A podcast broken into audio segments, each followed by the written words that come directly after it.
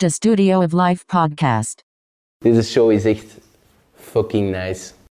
Studio of Life is iets om tijd voor te nemen. Deze show is bij chic. Goedemorgen, Heidi. Goedemorgen. Ik eh, ben blij dat ik u eh, hier mag eh, ontmoeten. Ik ben In de gebouwen van. Child Focus in Brussel. Voilà. Heel hartelijk welkom.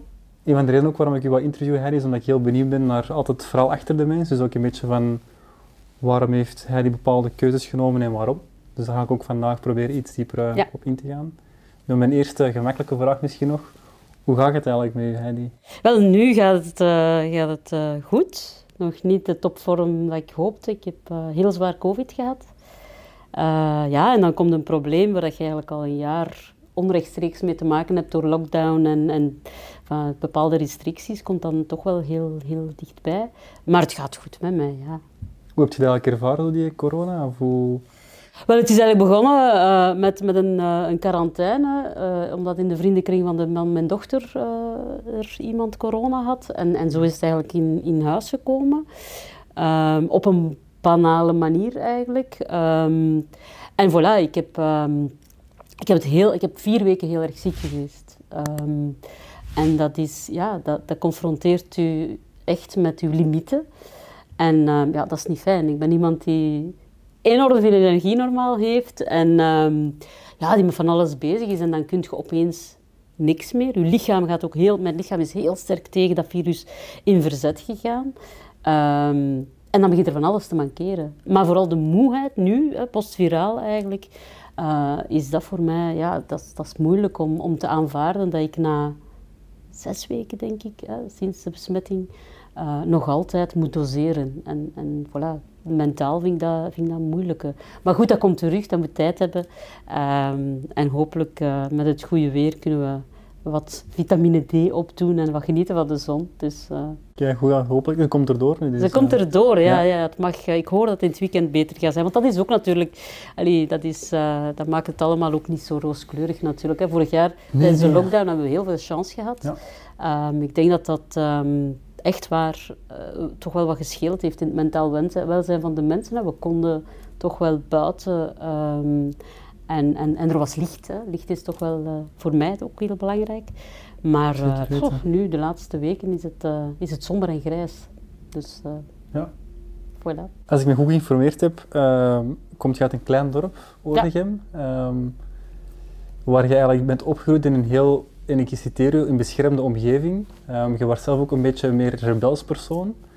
Hoe zit je eigenlijk omge allee, omgegaan met die omgeving waarin, waarin je bent opgegroeid? Ik, dus inderdaad een klein dorp hè, waar, waar elke straathoek ogen en oren heeft. Ehm, dat, is, ehm, dat is bijna letterlijk zo. Hè. Dus de, de, de, de, ja, de, de, de roddels en, en, en dergelijke. Hè. Dus, eh, ehm, ik heb dat altijd... Ja, ik heb een, ik heb een fijne kindertijd gehad. Hè. De jeugd was voor mij wat moeilijker, omdat... Ja, dat, dat rebelse daar een beetje in zat en ik dan zeer beschermd, dus ik mocht niet veel. Hè. Dus dat vertaalt zich dan natuurlijk eh, zo. Wij, wij, wij woonden ook niet in de stad, dus, dus ja, uw, vrijheid is vrij beperkt en op een bepaald moment heb je, heb je als tiener zin om, om daar een beetje uit te breken. Dus dat was moeilijker. Ehm, dan, ehm, ja, ik, ik denk dat mijn... mijn ehm, die, die omgeving heeft mij wel dan doen beseffen dat er een wereld daarbuiten is. Hè. Ik, ik ben altijd een nieuwsgierig kind geweest, nieuwsgierige tiener ook. Ik ging naar de grote school in Gent, hè, dus dat was zo'n uniformschool, omdat mijn mama daar les gaf. De rest van het dorp ging naar, naar Aalst, hè, dus dat is zo'n beetje... Ja, en je zoekt dan toch wel wat aansluiting. Ehm, je hoort er dan niet helemaal bij, maar dan hè, op de kermis dan, dan weer probeert je toch wel eh, ja, vrienden te hebben. En, en ja, je kent mensen uit je straat en zo. Maar ehm, het is eigenlijk, ja, ik denk dat dat losbreken of het daarbuiten breken gekomen is toen ik. ehm, ik weet nog goed, eh, ik was voor mijn eerste examen eh, in de criminologie aan het studeren. Dat was professor Dooms, zijn vak. Ik weet niet meer hoe ze het noemde, maar dat was super inter- interessant over ideologieën en zo. En ehm, toen, toen werd mijn vakantiejob eh, aangeboden eigenlijk in, het, in Griekenland om te gaan werken als kinderanimatrice. En ik heb ja daartegen gezegd, terwijl ik eigenlijk onder een stolp ja, tot dan toe had gezeten, toch wel grotendeels. En ik denk dat op dat moment ik echt wel ja, moet op mijn tanden bijten heb. eh, en en ehm, ik denk dat dat mijn, mijn, mijn geest nog meer verruimd heeft. En, en, en heb ik gezien van oké, eh, dit, dit, is, dit is vrijheid. Hè? Want ja, je zit drie maanden eh, in wel een vakantiesfeer, maar toch om, om hard te werken. Je moet altijd lachen, of je nu blij bent of niet. Als animator moet je eh, altijd vrolijk zijn. Dus eh, daar leert je echt jezelf kennen en komt je jezelf ook tegen. Ja. Toen dat je terugkwam, meteen naar de grote stad verhuisd? Of, eh, Nee, ik ben eigenlijk... ehm, ik, ik mocht kiezen op mijn 18 jaar in een auto of op kot gaan. En als je in een klein dorp woont, is een auto veel handiger dan een, dan een kot. Plus, ik had ook... Ja, ik had... ja, een uur om naar huis te komen, dat was, het is heel vreemd. Hè? Nu, als je zegt tegen 18-jarigen die, die aan de universiteit studeren, van je moet om drie uur thuis zijn, maar bij ons was dat zo. En ik deed dat ook uit respect voor mijn ouders. Hè?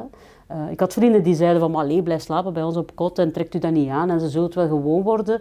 Ik heb eigenlijk nooit gedaan. Hè? Dus ik heb wel altijd proberen die grens wat te verduwen en wat te verschuiven. Maar ik heb, ehm, ik heb altijd wel gedaan met, met mijn respect voor, voor, voor mijn ouders. Want ik vond, en ik vind nog steeds, dat die, ja, die hebben het beste met mij voor. En die deden heel veel voor ons, hè, mijn zus en, en mij. Mijn zus was dan eigenlijk totaal anders. Hè. Dus die, die was 18 jaar en, en die ging niet uit. Dat was zo raar. Hè. Normaal gaat je mee met je oudere zus. maar bij mij was dat dus niet zo. Dus voilà, ik... ik ehm, ik heb een gelukkige, een gelukkige jeugd gehad, maar daar waren beperkingen. Misschien dat ik daarom zo moeilijk heb met beperkingen nu. Hè. Dus, eh, ook met de corona bijvoorbeeld. dat snap ik volledig, daar zijn niet alleen in, denk ik. Voilà. Eh, maar je hebt zelf ook gezegd, je hebt criminologie gestudeerd. Ehm, je doet, allez, je doet, momenteel is je dan bezig met child focus. Ehm, wat ik er wel een beetje als gemeenschappelijke factor in zie, is zo dat onderzoek en dat onderricht. Eh, maar hoe komt het dat je dan toch eigenlijk meer de richting van, ja, moet ik het zeggen, van allee, child focus in dit geval bent uitgaan in de plaats van voor te gaan in die criminologie? Criminologie ehm, is er eigenlijk gekomen, ik wou dat echt doen. Hè. Ehm, ik wou echt eh, criminologie studeren. Dat is eigenlijk een beetje gekomen als, als, als kind, keek ik altijd naar, ja, naar politiereeksen en detectivereeksen, Miami Vice en Chips en dat soort zaken. Ehm, en dus eh, van, ja, van als ik klein was, zei er, zei een vriendin van mijn mama, ja, die, die moet criminoloog worden. Hè. En ik had dat in mijn oren geknopt. En ik dacht, ik wil criminoloog worden. En op het moment dat je dan beseft wat dat is, dan dacht ik van ja, ik wil dat eigenlijk wel weten. Hè. Waarom doen mensen dat? En, en, en aspect van ja, die politie, justitie. allee, wat drijft iemand om, om, om drugs te dealen of om iemand dood te steken? Dat waren dingen die mij heel erg, erg eh, bezig hielden. Maar ik kom uit een gezin van, van, van zelfstandigen nogal. ehm, en en ja, mijn papa was, was een aannemer. En dus ja, dat kriebelde ook wel een beetje om economie of zo te gaan doen. En toen zei mijn papa van kijk, je moet je hart volgen. Dan heb ik criminologie gedaan. Maar nadien heb ik bedrijfskunde gedaan aan de ESAL in avondschool. eh, toen ik eh, terug was na mijn, eh, na mijn Erasmus. En eigenlijk bij Child Focus kan ik beide combineren. Hè. Ehm, in de zin van... Ik, ehm, ik leid een organisatie met 60 werknemers, hè, iets meer dan 50 fulltime equivalenten, 500 eh, vrijwilligers. Ehm, maar sta ook heel dicht bij dat terrein. Dus het is eigenlijk een hele mooie ehm, ja, match, een, een, een blending eigenlijk van enerzijds toch wel een beetje ondernemerschap hè, en anderzijds toch eh, ja, dat, die criminologie. Hè, want wij werken heel nauw samen met politie en justitie. Eh, ja, het gaat over verdwijning, seksuele uitbuiting van kinderen. En hoe ben ik hier gekomen eigenlijk? Ja, dan moeten we teruggaan naar de zaak Dutroux, van meer dan 25 jaar geleden. Eh, dit jaar in oktober is het 25 jaar Witte Mars, hè, waar eigenlijk de woede eh, van het volk tot uiting kwam in, eh, in die Witte Mars. En daar heeft toenmalig wel een premier De Hane beloofd aan de ouders van toen om een centrum op te richten voor verdwijning en seksuele uitbuiting van kinderen. En toen ik dat hoorde, wou ik, wou ik eigenlijk werken bij dat centrum. Ik heb toen een brief geschreven naar de premier, geen antwoord gekregen. Een brief gestuurd naar de Koning Boudewijn Stichting, die dan dat project echt moest op poten zetten, ook geen antwoord gekregen. En eigenlijk in de begindagen ben ik dan eh, de toenmalige directeur tegengekomen in een vergadering. Heb ik gezorgd dat ik niet unnoticed eh, eh, voorbij ging. En, eh, en zo ben ik eigenlijk eh, ja, een paar weken na de opening begonnen als case manager. Maar ik wou echt als jonge criminologe, die ook wel kinderrechten als, als specialisatie had. En, en, en mijn thesis was ook rond, rond misdrijven tegen kinderen. In Griekenland heb ik dan een onderzoek gedaan naar straatkinderen. Dus kinderen zat daar wel wat in en kinderrechten zeker. En ik wou echt mijn steentje bijdragen als jonge criminologe om ervoor te zorgen dat niet meer gebeurde wat toen gebeurd is in de zaak Dutroux. Um, na zeven jaar ben ik dan hier vertrokken bij Child Focus. Um, even Europees bezig geweest, maar dat was mijn ding niet. Uh, en dan ben ik directeur geworden van een centrum voor uh, slachtoffers mensenhandel. En dan, uh, ja, het zal ongeveer tien jaar geleden zijn, uh, ben ik geheadhunt om, om CEO te worden van, van Child Focus. wat ik dus in november tien jaar ben. En dat was een droom. Ik moet zeggen, toen ik weggegaan ben bij Child Focus, was dat niet uit ongenoegen maar omdat ik binnen de organisatie eigenlijk ja, op een eindpunt zat. Hè. Ik zag niet direct meer doorgroeimogelijkheden. Uh, ik wou ook wel eindverantwoordelijkheid, wat meer managementervaring. En, uh, dus dat was een bewuste keuze. Maar met de stille droom om ooit terug te keren langs de grote deur, zoals we zeggen. En uh, ja, dat is gelukt. Dus ehm, dat is eigenlijk ja, fijn dat ik die kans gekregen heb. En, en eh, ja, na tien jaar, bijna tien jaar nog altijd ja, leiding kan geven aan wat ik vind een prachtige organisatie. Sowieso. Heb je enig idee ook eigenlijk misschien waar uw rechtvaardigheidsgevoel dan vandaan komt? Want ik veronderstel dat dat toch wel heel hard aanwezig is. Dat is heel erg aanwezig en men vraagt heel dikwijls van waar komt uw, uw motivatie om eigenlijk inderdaad te doen wat ik doe vandaag. Um, ik kan niet goed omgaan met onrecht en ik denk dat dat een beetje aangeboren is. Mijn papa had dat ook, hè. ondanks het feit dat hij eigenlijk ja, een schrijnwerker was, een aannemer van, van bouwwerken um, had hij dat ook heel erg. En um, ja, ik, ik, kan, ik kan niet zeggen van dat of dat heeft daartoe geleid, maar ik heb dat wel altijd, altijd gehad. En, en de eerste keer, en dat is uit de kleuterklas, ik, uh, ik ben pas vanaf mijn eerste leerjaar naar de grote school in Gent gegaan. Maar bijvoorbeeld in de kleuterklas um, zat er een jongetje dat iets ouder was dan mij. Um, een jaartje ouder, denk ik. En die um, door, door een, een, een, accident met een frietketel, zonder in details uh, te treden, had hij een pruikje op. En uh, ik herinner mij goed op de speelplaats waar ze hem aan het pesten. En dan ben ik als klein ukkie daar gaan roepend tussen staan. Omdat ik, en, en dat is, um, ja, ik heb altijd een stukje gehad. Hè. Dus dat, dat, uh, dat tegen. Uh, ik, ik, heb ook, ik heb ook mensen. Um, allee, ik maakte ook ruzie en zo. Hè. Dus het is niet dat ik altijd. Maar, maar dat was meer tegen. Ja, ik, ik kan niet goed tegen, tegen onrecht. En um, ja, misschien soms te veel. Hè. Ik, ik zeg dat soms. Uh, ik, ik ben Atlas, hè. de zorgen van de wereld. Hè. Als er in de wereld iets gebeurt dan kan ik daar echt mee bezig zijn. En met het conflict, hè, we hebben het uh, in het voorgesprek daar even over gehad, Israël-Palestina, dat houdt mij bezig. Hè. Dat is iets dat mij, dat mij heel erg uh, bezighoudt. En, en ja, misschien is het makkelijker als je kunt opstaan en gewoon fluitend door je dag gaan. Op zo'n momenten is dat bij mij niet. Hè. Dat, dat, dat, ja, dat maakt mij wel een stukje, ja, niet zwaarmoedig, want ik, ik, uh, ik lach heel veel en ik heb uh, een fijn leven, maar ik bedoel, ik, ik ben daarmee bezig. Ja. Bent je in je leven eigenlijk misschien veel onrecht aangedaan geweest, zodat dat, dat misschien een beetje een katalysator is? Nee, eigenlijk niet. Ik heb een zeer beschermde kinder- en, en, en, jeugdtijd gehad, dat heb ik al gezegd, dus ik heb dat niet echt, uh, niet echt meegemaakt ja, het is niet zo dat zoals vandaag wij eigenlijk de wereld in onze, in onze zak, in onze huiskamer, in onze slaapkamer hebben als, als kind of als, als jongere. Dus um, nee, eigenlijk niet. Dus dat, dat, dat moet ergens toch wel uh, ja, in mij gezeten hebben. Ik weet wel dat, dat als er op televisie iets gebeurde, um, in het nieuws of zo, uh, dat, dat ik daar ook uh, door aangedaan was. Er zijn beelden die mij nog altijd bijstaan. En dat was onder andere um, met Palestijnen die, die, die echt ja, gruwelijke beelden. En ik zie die vandaag nog altijd, dat was bij mijn grootmoeder op zwart televisie. En toch zie ik die nog altijd voor mij. Omdat dat blijft hangen en, en ik word daar dan ja, een stukje kwaad van. Um, dus de weg die ik uitgegaan heb, is denk ik voor niemand die mij als kind of als jongere heeft gekend, uh, vreemd. Dat, dat niet, nee, ik denk dat niet.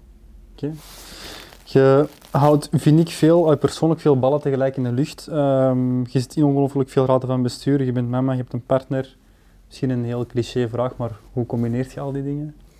Dat is niet altijd simpel. Dat is keuze, echt keuzes maken. Ehm, keuzes die vooral dan in het privé liggen. Hè. Ehm, mijn dochter is bijvoorbeeld vanaf haar vierde leerjaar op internaat eh, gegaan. Dat is iets dat we besproken hebben hè. met haar. Dat hebben we, eh, ze heeft daar een, een, keuze kunnen in maken.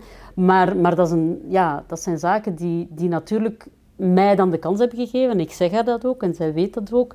Ondertussen is ze twintig, maar... maar ehm, had, had, had zij geweigerd, uh, of niet gewild, op, op internaat gaan, dan zou mijn leven er waarschijnlijk anders uitzien. Ik kan echt doen wat ik doe professioneel, dankzij het feit dat ik een stuk de opvoeding van mijn kind uit, uit handen heb gegeven. Dat is een keuze um, die mij als vrouw niet altijd in dank wordt afgenomen. Hè. Um, uh, in die zin dat mensen daar soms kritiek op hebben. De keuze van één kind is ook een keuze die we als koppel gemaakt hebben. Van kijk, we gaan, we gaan één kind uh, ja, nemen, of hoe zeg je dat? Krijgen. Hè? Maar, maar dat zijn keuzes die, die, die je maakt, die mij dan de kans hebben gegeven om mij verder te ontwikkelen. Maar mijn echtgenoot bijvoorbeeld, die ook een drukke job heeft, die neemt ook een aantal taken op zich. Hè, naar de opvoeding, nu is dat minder natuurlijk, maar, maar naar de opvoeding van, van onze dochter.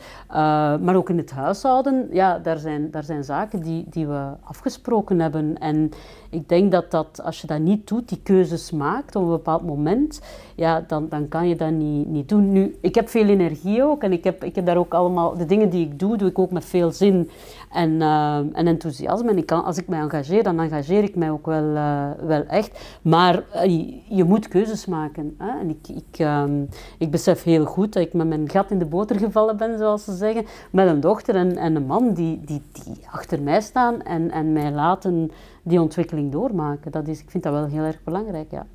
Klinkt goed. Ik uh, vraag me ook af, hoe probeert je je dochter Maxine dan eigenlijk op te voeden? Iets minder, in een iets minder beschermde omgeving dan jezelf? Absoluut. Eh, ik denk enerzijds vanuit mijn eigen ervaring waar ik voelde dat die bescherming een stuk beperkend was en, en ik echt die vrijheid wou uh, ja, opzoeken en, en, en krijgen, uh, heb ik Maxine eigenlijk heel vrij opgevoed. Uh, maar ook omdat ik weet, professioneel, dat wat we natuurlijk altijd zien, omdat het sensationeel is, hè, dus de, de ontvoering en, dergelijke meer, dat dat eigenlijk nog altijd zeer uitzonderlijk is. Hè. De meeste kinderen die verdwijnen, die lopen van thuis weg. Hè. Die lopen van de voorziening weg waar ze geplaatst zijn, omdat er een conflict is thuis, dat hoeft niet altijd dramatisch te zijn, of dat ze met een probleem zitten waar ze thuis niet kunnen over praten en dat ze eigenlijk weglopen als enige oplossing ziet voor hun problemen, dat ze weglopen van het probleem. Dat gaat over, dat gaat over van alles. Hè. We hebben kinderen die op school gepest worden, die het gevoel hebben van ik kan thuis daar met niemand over praten, die dan, dan, dan weglopen in de hoop dat, dat die miserie achter hen ligt. Um, vandaar dat we, dat we een paar maanden geleden dat idee Max uh, hebben ge, gelanceerd, om te zeggen van kijk, we moeten bij de kinderen een reflex uh, kweken dat ze met alles om het even wat kleine probleempjes, grote problemen, vraagjes, whatever, altijd bij iemand, een max, een vertrouwenspersoon terecht kunnen. Omdat wij zien dat in bijvoorbeeld wegloopdossiers um, heel vaak ja, kinderen en, en, jongeren niet durven praten over hun ja, probleempjes of de zorgen die ze hebben. En dat dat dan uiteindelijk ja, verkeerd afloopt of, of uh, in, in wegloopgedrag of erger uh, uitmondt. En, en ik denk dat dat uh, bij Maxine heb ik, heb ik heel duidelijk wel een aantal afspraken. Hè. De dialoog, dat vertrouwen, um, openstaan voor, voor, voor wat uw kind zegt, dat vind ik heel belangrijk. Um, ben ik iemand die ontken wat de realiteit is? Nee, er zijn risico's. Hè. Um, maar ik denk dat met, met openheid, dialoog naar kinderen toe in het algemeen, dat we daar veel verder kunnen, kunnen komen dan hen echt gaan opsluiten. Klopt, sowieso. Denk je trouwens dat Maxine ook um, een beetje die druk voelt? Ik ken de papa niet, dus ik kan daar niet voor spreken, maar van de mama, omdat je toch een opmerkelijk pad hebt afgelegd, dat ze ook ergens die druk voelt om te presteren naar u toe? Dat denk ik niet. Je, je hebt de verschillende fasen. Hè. Op een bepaald moment ben je, en, en was ik dan de held van mijn dochter, hè, die dan schrijven eh, op school als ze zo van wie is uw held? En dat ze dan mama zetten. Hè. Dat, is, dat is dan heel fijn. Um, ik weet nog toen ik bij Pagassa vertrok, Uh, dat is dus uh, ja, tien jaar geleden ongeveer, van iets minder dan tien jaar geleden. Uh, toen was ze dus elf. En de eerste vraag die ze stelde van mama, je gaat toch nog een, een job doen waar je mensen helpt. Hè? Dus dat was haar bezorgdheid. Op een bepaald moment vinden ze dat vervelend, een mama die in de, op de tv komt en in de boekjes staat en de vrienden die dan screenshots doorsturen, dat, dat, is, dat is vervelend. En nu denk ik, ja, er is een zekere fierheid, maar, maar ik heb niet het gevoel dat ze per se die druk voelt van te presteren. Juist omdat ik vind dat het heel belangrijk is dat kinderen, uh, en jongeren dan vooral, um, zelf die keuzes kunnen maken en, en gelukkig zijn. Um, bij studiekeuzes ook hebben wij haar vrijgelaten, um, omdat ik dat, dat heel erg belangrijk vind. Mijn ouders hebben mij niet gedwongen om bijvoorbeeld Latin en wiskunde te doen, maar onrechtstreeks was presteren in mijn... Ik ben een kind van de jaren zeventig. Presteren en de eerste zijn in de klas, dat was, dat was gewoon ja, bijna een must. Als je verstand had, ja, dan moest je... Bij ons werd de lat echt gelegd van 90 en dan, voilà, dan kreeg je een cadeau. Hè. Um, is dat slecht? Nee, want waarschijnlijk hebben daar de vruchten van geplukt. Maar langs de andere kant ben ik ook iemand die, die altijd mijn lat hoog legt. Hè. Dus ik denk een beetje ja, het ene heeft, heeft goede effecten, het andere heeft, heeft minder uh, positieve effecten. Maar ik vind het belangrijk bij, bij kinderen, maar mensen algemeen, dat ze vrije keuze hebben. En dat vind ik, uh, dat hebben we bij Maxine altijd ja, gezegd. En natuurlijk, ja, als je keuzes maakt, moet je daar ook de gevolgen van dragen. Hè? Dus ze heeft de keuze gemaakt om, om haar studies nu aan te vatten. Dat wil zeggen dat ze straks om één uur een examen heeft. En dan moet je daarvoor studeren. Dat zijn, dat zijn keuzes. En, ja. maar, maar ik heb nooit druk uitgeoefend om in een of andere richting te gaan. Nee. In een artikel met Knak um, geeft je aan dat je echt steeds op de hoogte blijft van alles wat er gebeurt binnen Child Focus. En ik citeer...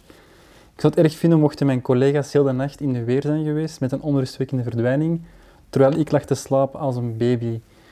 Um, je hebt er net ook al een beetje aangehaald hè, dat je je veel aantrekt. Um, en ik vraag eigenlijk ook af, want ik denk ook dat het een keuze is, waarom dat je daar bewust voor kiest, omdat dat toch een heel grote verantwoordelijkheid of bepaalde druk of iets op u legt dat je denkt van, het is toch allemaal, het is toch wel, je moet dat toch allemaal een beetje kunnen plaatsen om daarmee te kunnen omgaan, die bewuste keuze te maken, denk ik. Het is een bewuste keuze om inderdaad um, ja, toch wel de vinger aan de pols te houden. Uh, ik denk dat dat heel erg belangrijk is. Um, ik heb het werk zelf ook gedaan. Hè. Ik ben begonnen als dossierbeheerder, case manager. Dus ik heb dat gedaan. En uh, ik denk dat dat uiteraard, ja, dat zit in mij, dat is één. Um, ik heb niet, ik, ja, we hebben, we hebben 2000 verdwijningen op een jaar. Ik, ik, ik, volg die niet allemaal, maar ik zit bijvoorbeeld in het backup systeem. Hè. Dus ik zit daarin. Uh, ik doe dat nog altijd. Uh, terwijl dat helemaal niet hoeft. Hè. Als, als CEO hoeft je niet uh, in, in het operationele te zitten. Maar bijvoorbeeld als het gaat om een zeer onrustwekkende verdwijning, um, waarbij bij wijze van spreken alle registers worden opengetrokken, dan vind ik dat heel erg belangrijk. Niet dat ik mij ga moeien. Hè. Ik doe dat niet. Hè. Als ik niet van backup ben, laat het ons zo zeggen, dan ga ik niet beginnen bellen van wat hebben we nu en dit en dat en wat gaan we doen. Nee. Maar ik, uh, ik vind wel belangrijk om op de hoogte te zijn en, en er te zijn. Hè? Dat, dat uh, diegenen die op het terrein staan weten van oké, onze, onze CEO is, is, is bewust dat er iets aan, aan de gang is. En wat ik ook belangrijk vind, is natuurlijk, ik heb de eindverantwoordelijkheid. Hè? De dag dat het fout zou lopen, en ik hoop dat dat niet zo is, um, dan ben ik degene die voor een commissie gaat moeten zitten. En ben ik degene die gaat moeten verantwoording opnemen. Ik vind dat heel erg belangrijk. Ik zeg dat altijd. Als, als we successen hebben, dan laat ik graag hè, de mensen die, die hard werken shinen. Maar als het fout loopt, vind ik dat ik als eindverantwoordelijke mijn verantwoordelijkheid daarin moet opnemen. En dat vind ik bijvoorbeeld vandaag eh, algemeen gesteld uh, dat we een beetje missen. Hè? Als we denken aan, aan, aan, aan politiek bijvoorbeeld. Ja, het is zo'n beetje de zwarte pieten altijd doorschuiven. Nee, ik vind, ik ben eindverantwoordelijke van Child Focus. Ik wil op de hoogte zijn van wat er rijlt en zeilt binnen de organisatie. En dat is ook op financiën. Alleen de financiën, maar dat is natuurlijk niet dag en nacht. Hè? Maar, maar dat, dat is heel algemeen, omdat ik vind, als het inderdaad fout loopt, om een of andere reden, ben ik degene die mijn verantwoordelijkheid daarin moet, uh, moet nemen. Ja, oké. Okay. Boeiend. Dat het ook niet altijd van een leien dakje gaat, is, is volgens mij ook wel ergens normaal. Um, je vertelt ook op een gegeven moment dat je in een uh, personeelsvergadering komt En dat je eigenlijk vertelt, wat moedig is ook, dat het eigenlijk niet meer gaat. Mhm. Ehm, en dan eh, vroeg ik me eigenlijk af, ja, wat is er gebeurd? En ook van, hoe is het dan ook zo ver kunnen komen? Goh, ik ben op een bepaald moment eh, beginnen beseffen dat ik constant eh, hoofdpijn had. En ehm, dan... ehm, ja, dat is vermoeiend uiteraard, dat is één zaak. Je loopt daar een stuk van, van weg en op een bepaald moment hebben ze zoiets van, maar dit is nu eigenlijk al maanden, maanden, maanden aan de gang. En ik weet eigenlijk niet van wat. En dan begint je naar de dokter te gaan. En dan, dan komen natuurlijk de vragen van, we vinden niets. Hè? En dan gaat je naar de neuroloog en die vindt ook niets. En we vinden niks, we vinden niks, we vinden niks. En ik had het gevoel van, goed, ik word meer en meer de vraag gesteld van, kunt je job wel aan? Is er niet te veel druk? Burn-out, dus eh, dat is een paar jaar geleden. En dan eh, begint je jezelf ook in vraag te stellen van, kan ik het wel aan? En wat als ik het niet aan kan? Ehm, maar ik was eigenlijk overtuigd dat er een medische oorzaak was. Eh, en, ehm, maar, maar goed, mensen zeggen op een bepaald moment, je moet een beetje terug eh, gas gaan terugnemen. Ehm, en dan heb ik dat inderdaad ook gedaan. Hè. Ik, ehm, ik heb dan echt gezegd, ik had ook een kist dan. Uiteindelijk hebben ze de oorzaak gevonden. Uh, maar dan zijt je al zo moe eigenlijk, dat je, dat je inderdaad op een moment zegt tegen, u, uh, ja, tegen mijn medewerkers, heb gezegd, mijn team, van kijk, ik ga een tijdje minder uh, aanwezig zijn. Ik vond dat heel erg moeilijk, omdat ik dacht van dat is een teken van zwakte. Hè. Um, maar de reacties zijn eigenlijk heel hard verwarmend geweest. Van, ja, we zien hier iemand die constant heidt, van links naar rechts. En het is alleen maar normaal dat je even moet nu terugplooien op, je, op jezelf. Maar ik vond dat een zeer, zeer moeilijke. Maar dat is leading by example, denk ik. Hè? Het, um, het, het, blijven gaan is eigenlijk... Ik stuur mensen naar huis als ik zie dat het niet gaat. En ik zou dan zelf eigenlijk me. Uh, ja, door de muur. Uh. Maar ik zeg het, dat, dat is een hele moeilijke. Hetzelfde nu met die post-covid. Voor mij is dat heel moeilijk te aanvaarden dat ik grenzen heb. Hè? Dat ik limieten heb, dat ik op een bepaald moment moe ben. Dat is iets dat ik normaal niet ken. Hè? Jawel, als je eens uh, zeer zwaar doorgegaan bent. Maar dat is ja, erkennen dat je, dat je menselijk bent. Hè? Dat is straf dat we altijd voor onszelf strenger zijn dan voor andere mensen. Hè? Ja, en ik denk dat dat... Um, ja, je wilt, je wilt tonen dat je er bent. Hè? Dus je wilt, je wilt eigenlijk... Um, ja, een stuk, een stuk die, die, die vaste baken zijn hè, voor, voor, voor uw collega's.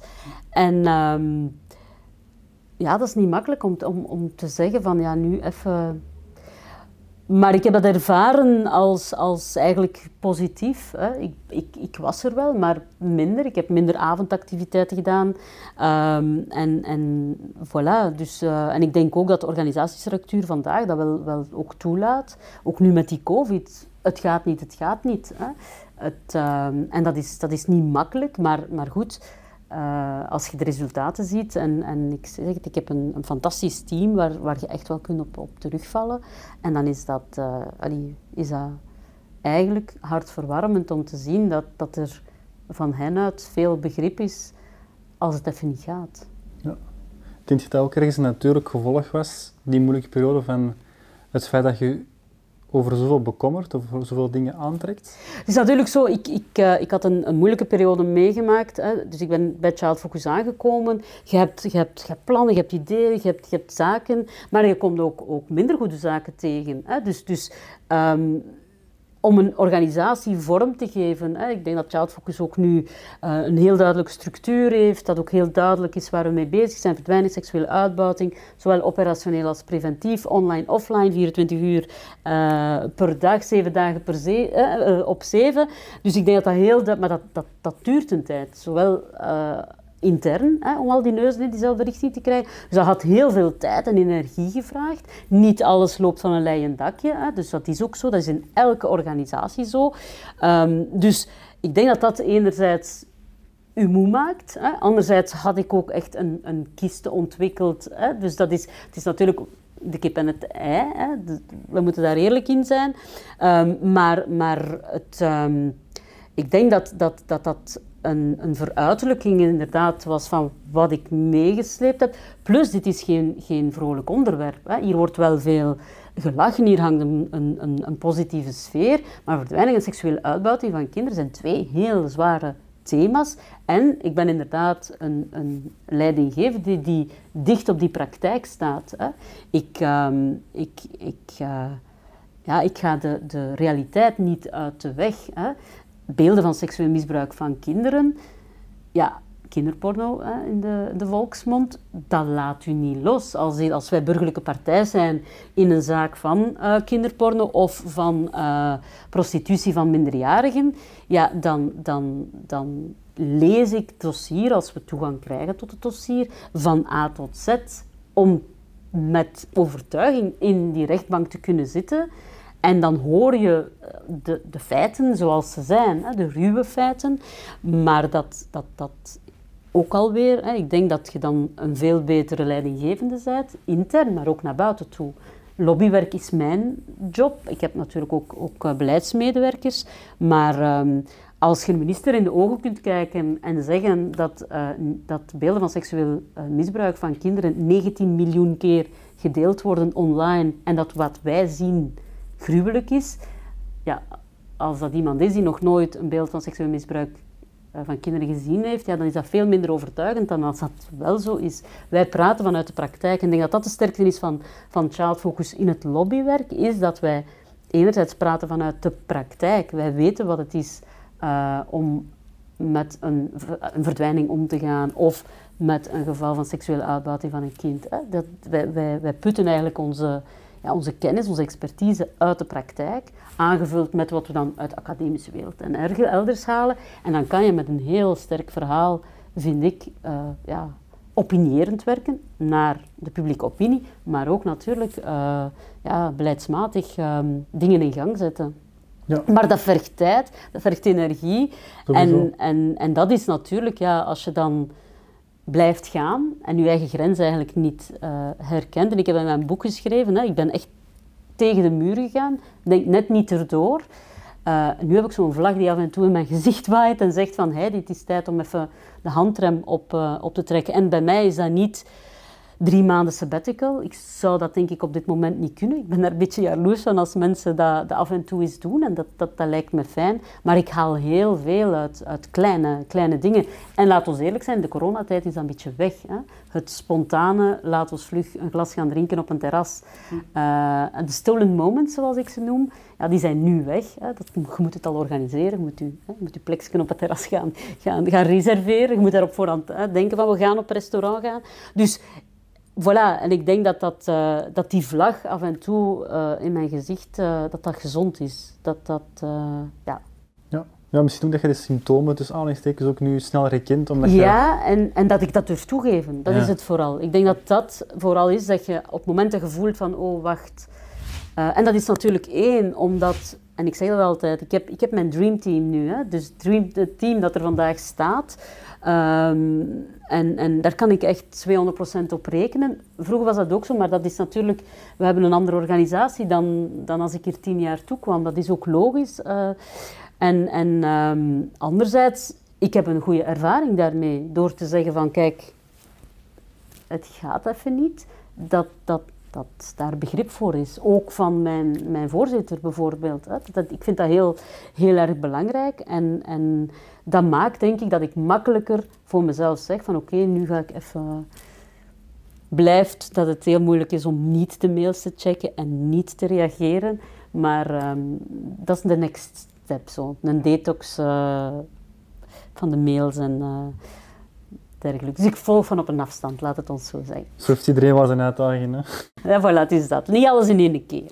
Zo is dat. Um, wat ik ook wel voel, is dat je soms ook wel een bepaalde onrustigheid hebt, wat ik ook wel zou kunnen omschrijven als een gezonde drive, denk ik. Maar hoe gaat je daar eigenlijk mee, als persoon mee om? Omdat je, ik hoorde het net ook al wel zeggen, tussen lijn en door, je hebt dan die corona, mentaal zeggen, kom aan, let's go, knallen.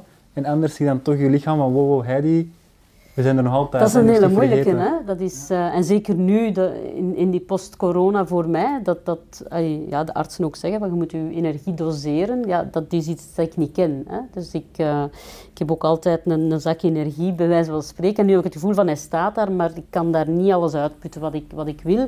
Dus dat is, um, dat is inderdaad niet makkelijk, maar ik heb inderdaad altijd een soort ja, ja, onrust. Hè? Een, uh, altijd. En dat is mijn drive, uh, grotendeels ook. Um, Maar soms is dat vermoeiend, denk ik, voor mijn omgeving. Dat, eh, dat kan ik me wel voorstellen. Ik ben eigenlijk, kan niet stilzitten, laat het ons zo zeggen. Ja, dat is wel herkenbaar ook bij mij. maar hoe houd jij dan eigenlijk mentaal en fysiek fit? Fysiek normaal ben ik wel iemand die, die wat sport. Niet, niet top eh, niveau, maar die toch wel wat eh, beweegt. Ehm, en dat is nu ook al zes weken geleden. Wat mentaal dan zich vertaalt in, in toch wel wat oei. Hè? Eh, dus ik, ik heb dat, die uitlaatklep van dat bewegen nodig om, om mentaal ook sterker te staan. En ik zeg het, ik kan, ik kan mentaal dan vooral dingen heel veel halen uit, kleine dingen. Dat is, uh, dat is natuurlijk omdat ik die keerzijde van ja, het mooie aan het leven. Ik ken ook de heel duistere kant van het, uh, van het leven. En ik denk dat je dan uh, ja, beter de, de, de mooie dingen kunt, kunt appreciëren. Dat, dat denk ik, allee, dat, dat, geeft mij dat gevoel.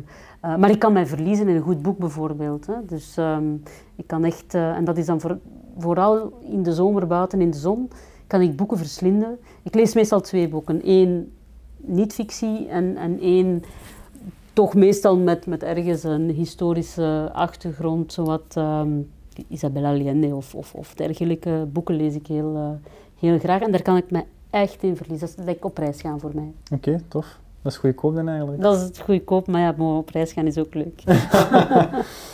um, je maakt ook deel uit van de organisatie Tout Bien. Um, ik weet er uiteraard wel een deel van, maar ik ga toch even de micro aan u geven. Wat doet die organisatie net en hoe zit je daarin betrokken? Wel, dat is een, uh, een VZ2 die opgericht is door de, de papa van Beno. Beno die op uh, 22 jaar zelfdoding uh, heeft gedaan.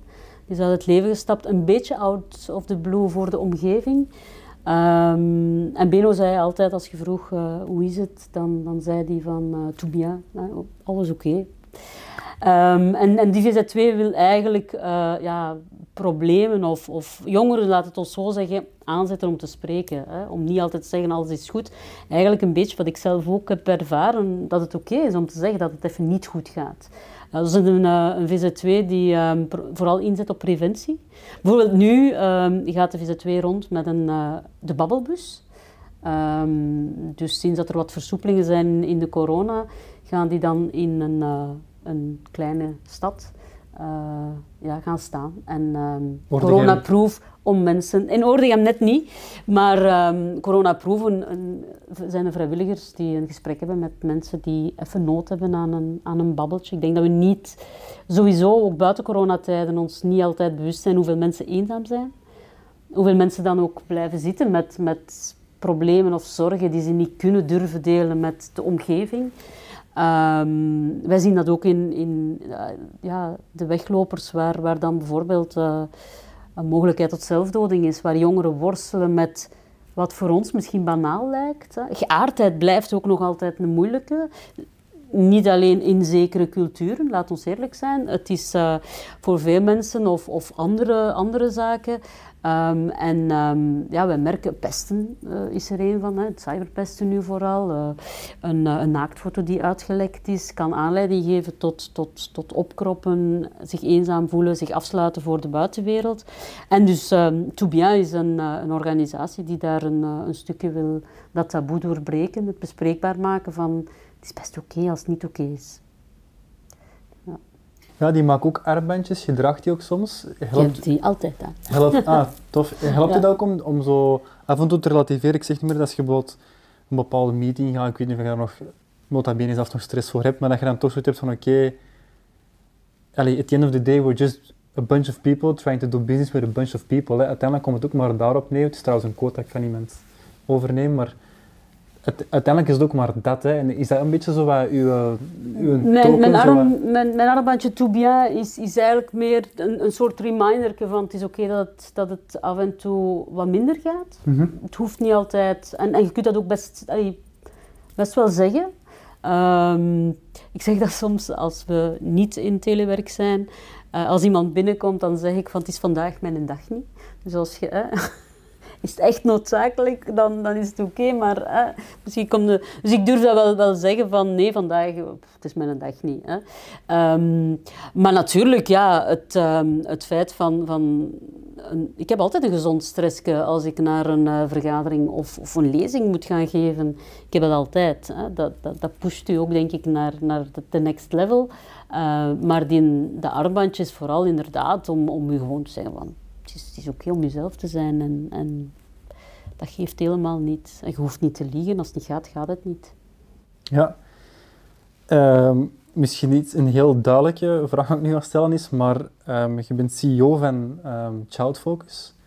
Staat je er soms ook bij stil hoe cool het eigenlijk is dat je die job ook doet en dat het eigenlijk ook gewoon zeker de geschiedenis dat je als case manager begonnen bent en dat je nu eigenlijk aan de leiding staat van een organisatie waar dat je eigenlijk al zo lang op voor hebt ingezet. Beseft je dat soms? Dat er soms bij van, oké, ja, Eigenlijk niet. Ik besef dat door reacties van anderen meer dan, dan ehm, ook, ook naar, naar, naar allee, collega's en medewerkers toe. Als ik zo bij iemand in een bureau ga en zeg van kom eens even mee, dan ziet het die soms schrikken.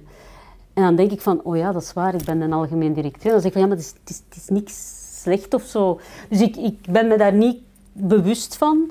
Uh, ik vind het altijd wel raar om, om mij in een boekje of, of, of, of op een tv of zo um, te zien. Dat went niet. Hè. Dus, dus je hebt mensen die daar naar streven en, en uh, ik heb geen stemmen nodig of zo. Dus ik heb, ik heb niet die, die visibiliteit. Uh, ik zoek die niet op. Dat is natuurlijk noodzakelijk voor de organisatie en ik vind dat ook wel belangrijk. En ik zou liegen moest ik zeggen dat ik dat niet, niet, niet leuk vind. Maar um, ik schrik daar altijd wel, wel van. En soms moet ik mezelf zo eens spitsen om kleine Heidi uit, uit dorpje Oordegem, uh, ja, die op haar 49, uh, ik, dat is ook zoiets, leeftijd is ook zoiets waar ik niet bij stilsta, uh, ja, dat, dat ik hier toch wel zit. En, en ik zeg het, voor mij was dat, was dat een droom om, om, om hier als CEO te zitten. Um, en ja, dat dat als ik daarop terugkijk, het is ook de eerste keer dat, dat, dat ik mijn tien jaar uh, ga, hopelijk, gaan halen. Um, dus, dus voor mij is dat, ja, dat is, dat is wel... Als ik daarop terugkijk, denk ik van... Ja, ik heb dat toch wel... Uh, ik heb dat gedaan en, en ik heb daar... Uh, maar ik ga er eigenlijk gewoon door. Ik, het is niet dat ik s'morgens opsta en zeg van... Ik ben de CEO. Ik, ik hoop ook dat mensen mij nog altijd zien als, als Heidi en, en, en that's it.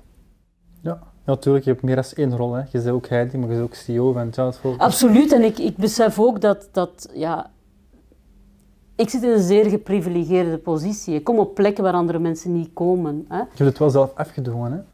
Ja, maar, maar het is ook wel zo dat ik ook nog altijd zeer realistisch... Dus ik, ik, ik, um, uiteraard vind ik het fijn om... om uh, om, om op het Koninklijk Paleis te komen. Onze erevoorzitter is koningin uh, Mathilde en ik vind dat, uh, vind dat een hele eer nog altijd. Ik heb, ik heb uh, ja, mogen spreken met, met Melania daardoor. Hè. En, en, ja, dus ik kom mensen tegen die, die ik niet zou tegenkomen op, als ik niet CEO ben van Child Focus. Maar tegelijkertijd besef ik dat ook. Hè. Ik besef ook dat als ik morgen geen CEO meer ben van Child Focus, dat ik op die plekken ook niet meer zal komen. Het is juist omdat ik die titel, titel draag, niet omdat men mij zo fantastisch vindt. Maar ik voel mij even goed met mijn bottinen aan in, het, uh, in Calais, in, in het vluchtelingenkamp, om daar rond te lopen en ja, de, de, de, de, de harde werkelijkheid uh, te zien. Dus dat evenwicht voor mij is wel, is wel nodig. Ik denk dat je anders naast je schoenen gaat lopen.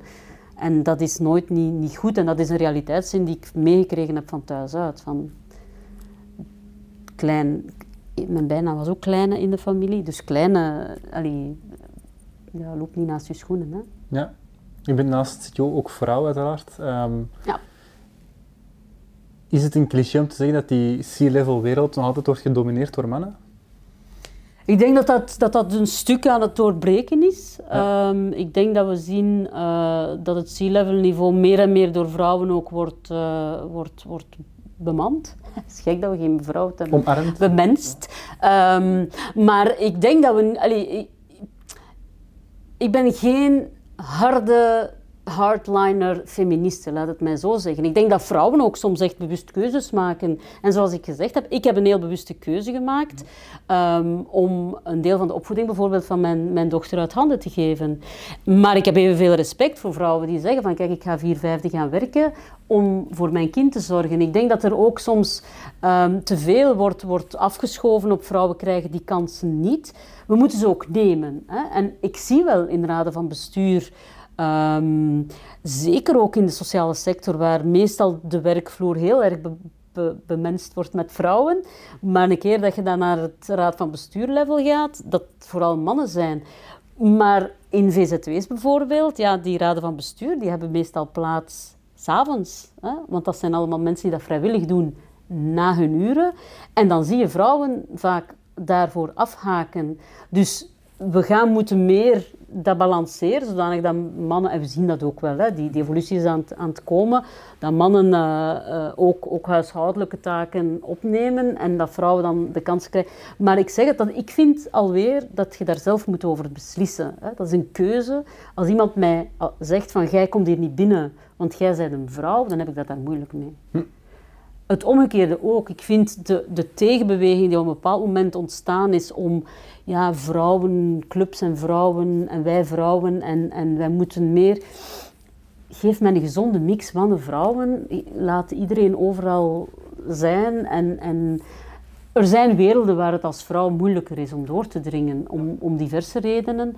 Ehm, ik, ik, blijf een coole minnares van, van quota, maar ik geef toe dat die soms nodig zijn geweest. Hè, om ervoor te zorgen dat men ziet dat er ook vrouwen met capaciteiten zijn. Ehm, maar dat is nu een beetje met, met diversiteit is dat zo. Hè? En diversiteit wordt heel erg uh, bekeken nu naar de, de origine van, van mensen. Maar diversiteit is voor mij ook uh, geaardheid, religies, jong-oud. Um, voilà, dat, is, dat is een gezonde mix, vind ik altijd um, uh, ja, belangrijk. En ik denk dat het allerbelangrijkste criterium is kansen en keuzes. Ja, dat is goed dat je eigenlijk aanhaalt van die quota's, want daar wil ik het eigenlijk ook over hebben. Um, ik vind uh, in bepaalde organisaties wordt dat gehanteerd, maar dan vind ik het soms een beetje jammer dat eigenlijk niet, de mensen niet worden geselecteerd op basis van competentie, maar dan eerder op basis van hoe divers dat je bent. En dan denk ik van ja, voor mij maakt het niet uit hoe, dat je, hoe dat je riekt, eruit ziet, of weet ik veel, of je, of handelt of je voorkomt van echt maar competent zijn, dan ben je toch altijd welkom, denk ik dan. Dat vind ik persoonlijk ook. En in ons aanwervingsbeleid is dat ook zo. Het is natuurlijk goed als organisatie of bedrijf om een gezonde weerspiegeling te hebben van de maatschappij. Als je bij wijze van spreken als organisatie alleen maar bestaat uit um, middle-aged women uit uh, de uh, blanke middenklasse, ja, dan, dan kan je moeilijk een weerspiegeling zijn naar, naar buiten toe ook. Ik denk dat dat een stuk... Maar quota, ik ben daar ook niet voor. Natuurlijk, langs een andere kant, als ik, als ik afgestudeerd ben als criminoloog, heb ik ook mijn examen gedaan bij de Rijkswacht. Dus dan moet je eerst al je theorie doen. Ik was daar met flying colors uh, geslaagd en ik moest dan mijn medische testen gaan doen. En een van de eerste dingen is uh, het meten. En ik was iets minder dan een centimeter te klein. Hè. Maar men had eigenlijk wel, wel vrouwen nodig, maar de, de, ja, de, hoe noemt dat? de minimum uh, lengte stond nog altijd op mannen. Hè? Dus dat was een meter uh, 63 en ik was een meter 62. Uh, en, um, en, en toen was het echt zo van, kijk, ga laat u alsjeblieft uitrekken hè, bij een kinesist en kom dan terug. Dan, en dan had ik zoiets van nee, hè, want ja, toen was de quota net ingevoerd. Nadien hebben ze, een jaar later, hebben ze die, die, die lat letterlijk lager gelegd op een meter 60 en zou ik er dus door geweest zijn. Maar, maar eh, dat is een beetje absurd. Hè. Uh, maar het heeft wel gemaakt dat vrouwen ja, nu in de politiekorpsen aanwezig zijn. Ik vind uh, op een bepaald moment moeten durven zeggen van oké, nu is het goed geweest. Hè. In de raden van bestuur bijvoorbeeld hè, hebben ze ook wel quota opgelegd voor beursgenoteerde bedrijven, voor vrouwen te hebben. Ik denk dat dat geen slechte zaak was. Hè. Want in die kringen is het als vrouw eerst uw competenties willen zien en uw capaciteiten kunnen zien, moet je ze kunnen tonen. Ik vind het een beetje hetzelfde met, met um, bijvoorbeeld in raden van bestuur van bedrijven zitten zelden of nooit mensen uit een non-profit. In de non-profit ziet je dat meer en meer. Hè? Ziet je meer dat daar een kruisbestuiving... Nu, die kruisbestuiving vind ik heel belangrijk in de andere richting ook. Ik vind dat commerciële bedrijven heel veel kunnen leren van de sociale sector bijvoorbeeld. Of de manier waarop in de sociale sector wordt omgegaan met uh, van alles. Hè, met financiën, met, met CSR bijvoorbeeld, de Corporate Social Responsibility. Elk bedrijf heeft nu zo'n beleid. Maar bij de meesten is dat ergens in september staan ze stil en zeggen van... En is dat een checkbox? Dat mag eigenlijk niet. Hè. Dat moet doorleefd zijn. En dan denk ik van ja goed, als we een kruisbestuiving hebben... En dat is die diversiteit die ik bedoel.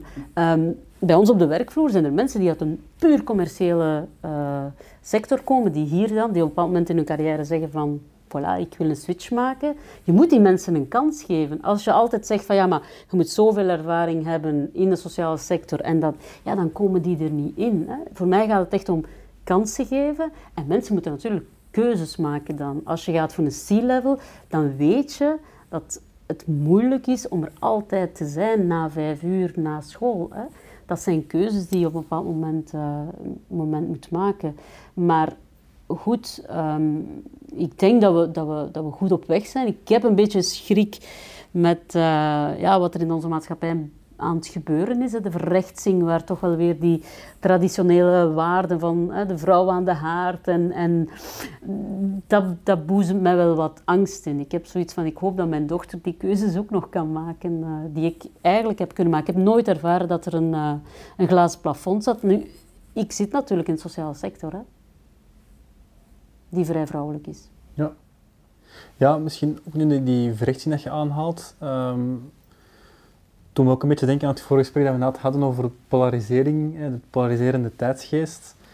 Um, ik merk ook vaak heel hard uh, aan de mensen die ik interview, vaak ook mensen die toch ieder van een bekend figuur zijn, zoals jezelf, eh, zoals Tom van Grieken of Conor Rousseau, die ik ook heb geïnterviewd, die, en Dirk de Wachter ook zelf eigenlijk, die moesten nu heel hard altijd, en dat vond ik heel vermoeiend en ook ergens jammer om te zien, die nuance dat ze altijd moesten maken van ja, ja, maar ik bijvoorbeeld, ik hou van luxe, ja, maar ik sta ook, hey, graag met mijn bottin in kalender, denk ik van ja, ik vind, dat, ik vind dat jammer dat mensen zo dan vaak op een bepaald beeld zo zich gaan vastpinnen. En zo die korte media met titels en dan daarop inpikken en eigenlijk de context niet lezen. En dan denk ik van ja, dat is toch zo jammer dat zoveel mensen zich moeten nuanceren en probeer eerst eens te denken van waarom zegt die mensen dat, van waar komt dat, in plaats van direct te zeggen van ah, dat is dat en en ja, omdat je in een bepaalde leefwereld zit, interpreteer je dat op je eigen manier. Maar ik vind dat wel jammer. En ik vraag me ook af, hoe gaat je er eigenlijk mee om dat je zo... Ik weet niet of jij die nood hebt, maar je toch vaak moet nuanceren. Ik... Um, of ik me echt moet nuanceren, dat, dat, dat weet ik niet. Um, maar vaak word je inderdaad gepakt op, op, op quotes. Hè? Dat, is, uh, dat is een beetje de clickbait-ziekte uh, die er vandaag is. En die uh, mensen kijken inderdaad niet meer naar de bredere context. Hè. Um, je kunt zeggen, Tom van Grieken, ja, dat is een voorzitter van een extreemrechtse partij en ik wil daar niet mee spreken. Hè. Ik vind dat verkeerd. Ik, um, Tom van Grieken is inderdaad uh, de voorzitter van een partij waar ik persoonlijk niet zou op stemmen. Maar dat is mijn persoonlijke keuze en de zijne. Ik zou heel graag met hem een pint gaan drinken en over allerlei onderwerpen uh, spreken. En dan denk ik dat we allebei veel genuanceerder zouden zijn dan als je ons in een debat zet. Uh, waar dan nog in geknipt wordt heel vaak. En, en, en dat is, dat is totaal, totaal verschillend. Um, persoonlijk ga ik ook veel liever in op een live debat dan, dan op iets, een quote in een, in een journaal waar je weet dat je uit geknipt wordt. Omdat ook weet dat ze altijd sterke one-liners er, eruit halen. Um, mensen nemen geen tijd meer om, om een artikel te, te lezen, bijvoorbeeld, en inderdaad de nuance te zoeken. Maar ik vind dat ook een verantwoordelijkheid van de, van de media, hè, die, die heel vaak één titel nemen. Ik heb ook al uh, interviews gegeven dat ik dan denk van, ik heb één quote één zin gezegd, bijvoorbeeld over Theo Franken. En dat staat dan als grote titel tussen de, dat ik denk van, maar wacht, Allee, bedoel, dat, dat, dat, is, dat is nog geen ja, tiende van, van, van wat ik gezegd heb en, en dat wordt daar uitgehaald. Dus ja, dat is een beetje, ik vind een verantwoordelijkheid van de media. Ik heb niet het gevoel dat ik um, mezelf vaak uh, nuanceer. Ik um, denk dat wij duidelijke standpunten hebben die niet altijd makkelijk zijn, die mij niet in dank worden, uh, worden afgenomen. Maar, maar goed, voor mij, mijn absolute waardekompas zijn de mensenrechten. Als je daarvan uitgaat, dan, dan, dan is het niet zo moeilijk. Hè? Uh, roepen grenzen sluiten. dat is het makkelijkste dat er bestaat. Soms denk ik van, oh, ik zou zo graag een extremist zijn, lin- links of rechts of per port in wat, omdat dat heel simpel is. Je kunt heel makkelijk zeggen van, alle waar eigenlijk. vreemdelingen buiten. Dat is het makkelijkste dat er bestaat.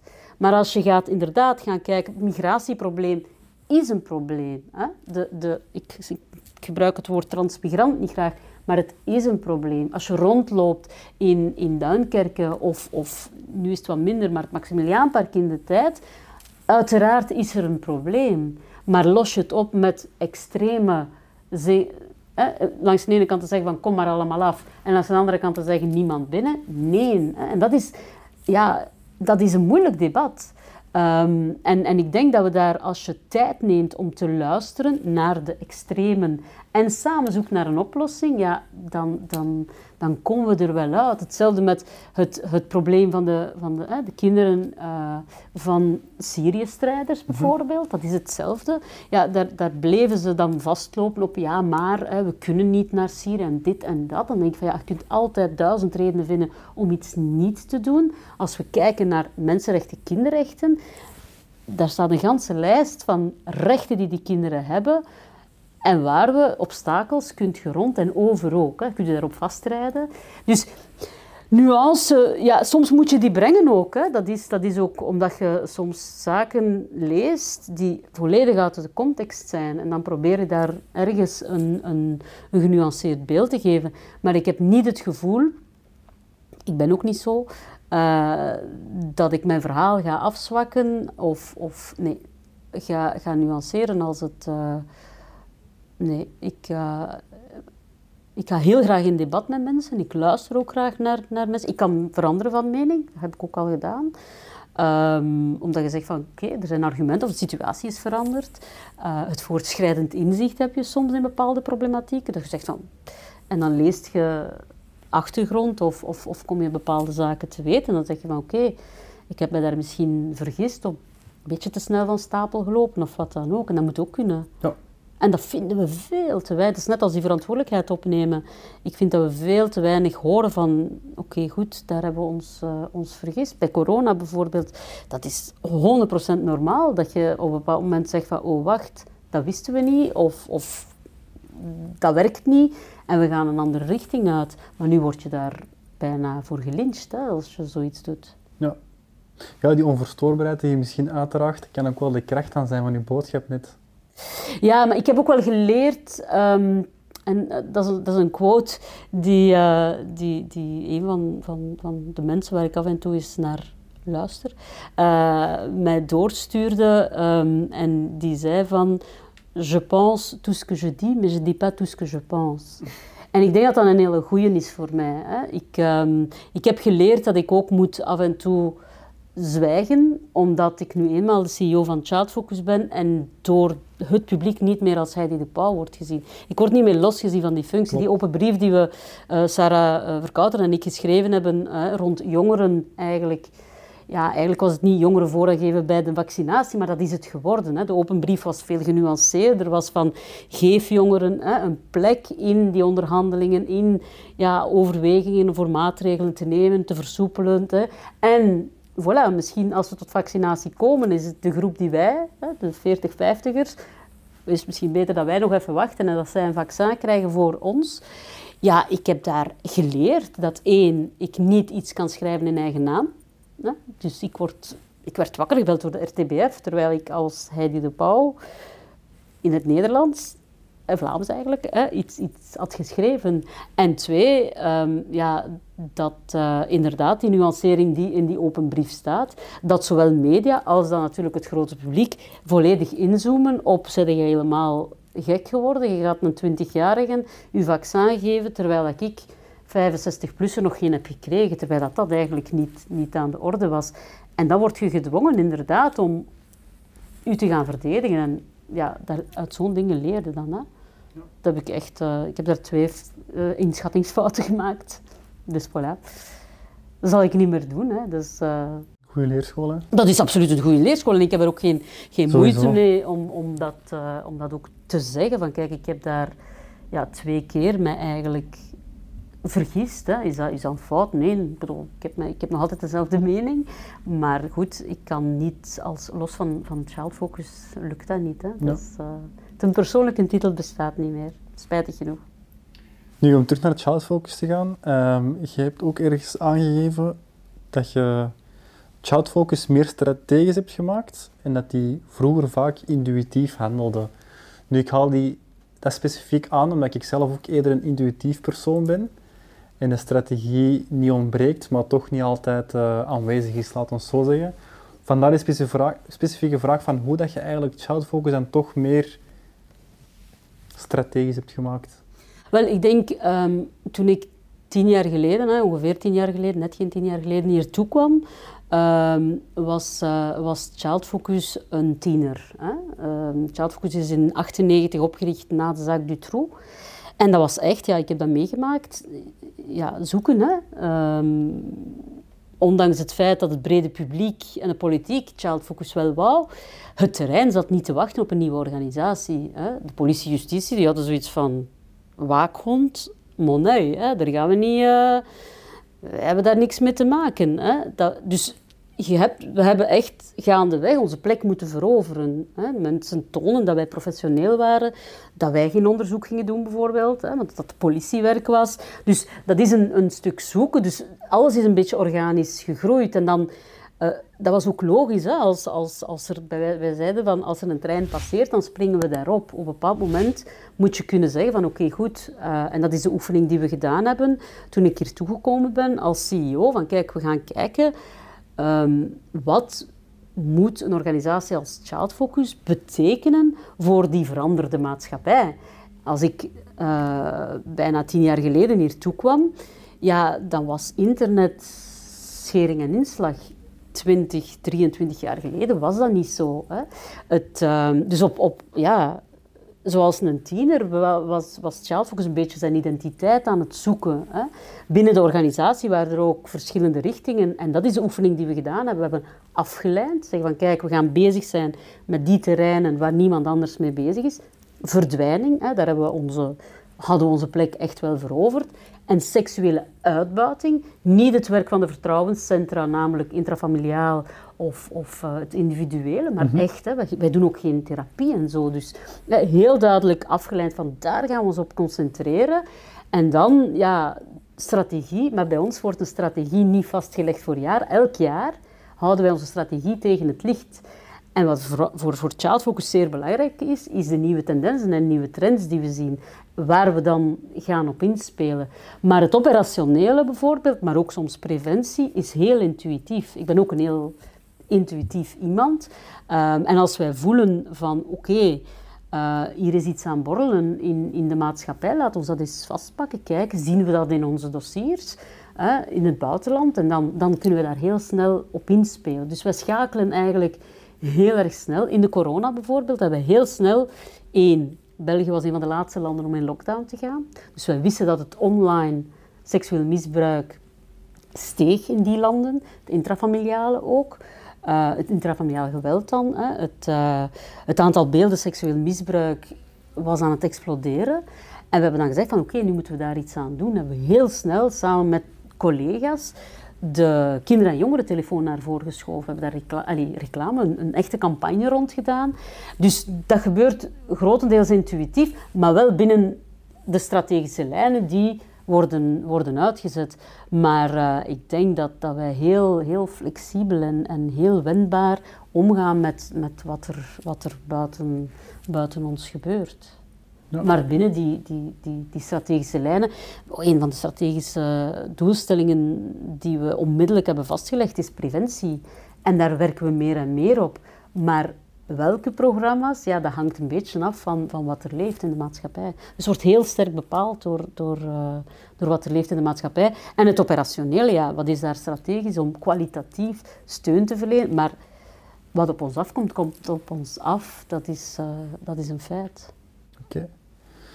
Ik denk een van onze gedeelde passies, ehm Heidi, is ehm, de passie om ehm, dingen, de beweegreden denk ik, als ik zo vrij mag zijn, ehm, te weten van iets of iemand Hè? Ehm, waarom hij bepaalde keuzes maakt. Nu, uiteraard ga ik het toespitsen op een van de doelstellingen van Child Focus. Zijn de, hè, dus het voorkomen of het tegengaan ehm, van die uitbuiting van seksuele, van seksuele uitbuiting liever. Begrijp jij dan ook soms, of, of heb jij als in ver- verdiept in die materie, eh, waarom dat bepaalde mensen ehm, alsnog de keuze maken om zich te vergrijpen aan een minderjarig iemand? Ik denk dat we daar, dat, dat een van de zaken is die ik eh, tot op vandaag ehm, mij afvraag en waar ik een beetje mee, mee worstel. Hè. Het, ehm, ik kan denk ik als criminoloog ondertussen bijna alle ja, misdrijven, misdaden wel, wel ergens plaatsen, begrijpen. Eh, is iets anders dan begrip voor opbrengen. Hè. Maar, maar kan ik zeggen van oké, eh, je, je, je, je, je, pleegt een overval vanuit die beweegreden. Als het gaat over, over, ehm, over kinderen, heb ik het daar veel lastiger mee. En dan heb ik het niet over, ehm, ik ben woest en ik sla mijn kleine. Dat mag niet, dat is niet oké. Ik heb er geen begrip voor. Maar ik kan dat begrijpen. Hè? Dat je je trapper, trappers bij wijze van spreken en doorslaat. En, maar een kind systematisch seksueel eh, misbruiken, daar beelden van maken en eh, ja, die dan nog, nog eens commercialiseren of gaan uitwisselen met andere beelden van eh, andere pedoseksuelen, dat is iets waar ik nog altijd niet bij kan. En ehm, omdat één, ja, dat kan niet zonder, zonder dat kind ongelooflijk veel pijn te doen. En, en, ehm, dus dat is iets, ik, ik ben wel, en het is daarmee dat ik een beetje mee worstel, ik ben ervan overtuigd dat sommige mensen ziek zijn, hè, dat dat echt een afwijking is, maar niet iedereen die seksueel misbruik van kinderen pleegt, is pedofiel. Hè? Dus die, die, die eh, afwijkt, die parafilie. Ehm, dus dus ik, ehm, ik, kan daar eigenlijk, eh, ik kan daar eigenlijk niet bij. Nee. En ik blijf daar heel erg boos van worden. Ehm, beelden van seksueel misbruik van kinderen, dat is... ja, dat vergeet je dus niet. Hè? Dat is... ja, ik blijf daar, daarmee worstelen. En vandaar dat ik denk dat dat voor ons ook absoluut een, een, een mega strijdpunt is om daar blijven op, eh, op in te zetten. Ehm, en die strijd langs alle kanten te voeren. Enerzijds preventief, maar anderzijds ook in te zetten op, op die zoektocht, eh, ja, nee, of identificatie van die kinderen. Dat is veel te weinig, gebeurt veel te weinig. In België tellen we nog altijd de, de, de terabytes of de megabytes en, de, en het aantal foto's of het aantal filmpjes, maar veel te weinig de kinderen in, in de Verenigde Staten bijvoorbeeld, onze collega's. Als er een groot dossier is, wordt echt gesproken van zoveel ongeïdentificeerde kinderen, zoveel kinderen gered. Dus daar wordt echt een nummer op geplakt, kinderen. Hè?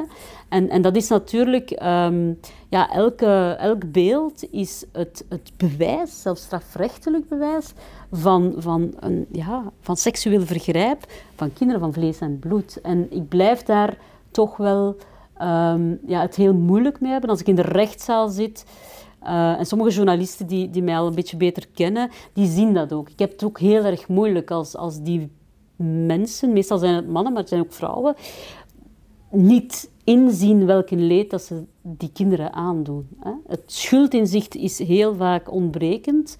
Um, en dan kan ik daar, daar, ja, ik denk dat dat met een body language dan heel duidelijk is. Ik kan daar echt kwaad van worden. Ik denk van, allee, hoe kun jij nu jezelf gaan verschonen? Geeft het dan op zijn minst toe.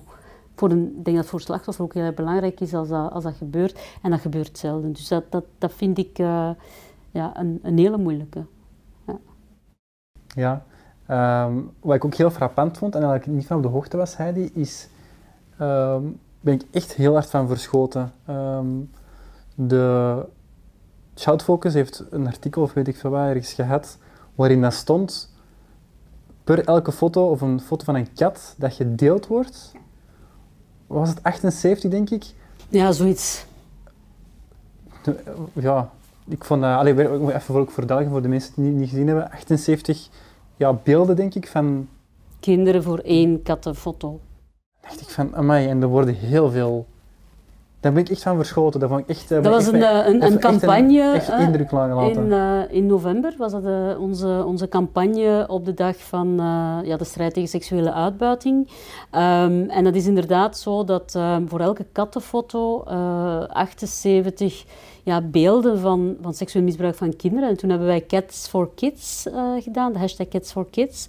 eh, waar dus eh, ja, mensen dus eigenlijk met die hashtag dan een foto van hun kat en de boodschap van kijk, voor elke kat die eigenlijk op Instagram of online verschijnt, zijn daar zoveel meer beelden van kinderen. En het is 19 miljoen keer per dag wordt online eh, beelden van seksueel misbruik van kinderen eh geshared. Dus dat is gigantisch. En het grote probleem, en, daar hebben we, zijn we geslaagd om een wetswijziging eh, te bekomen voor Child Focus, is dat die beelden weggehaald worden. Hè? Dus dat is heel erg belangrijk voor het slachtoffer leven met het feit dat, dat het seksueel misbruik hè, enerzijds gebeurd is, maar ook nog eens op beeld staat.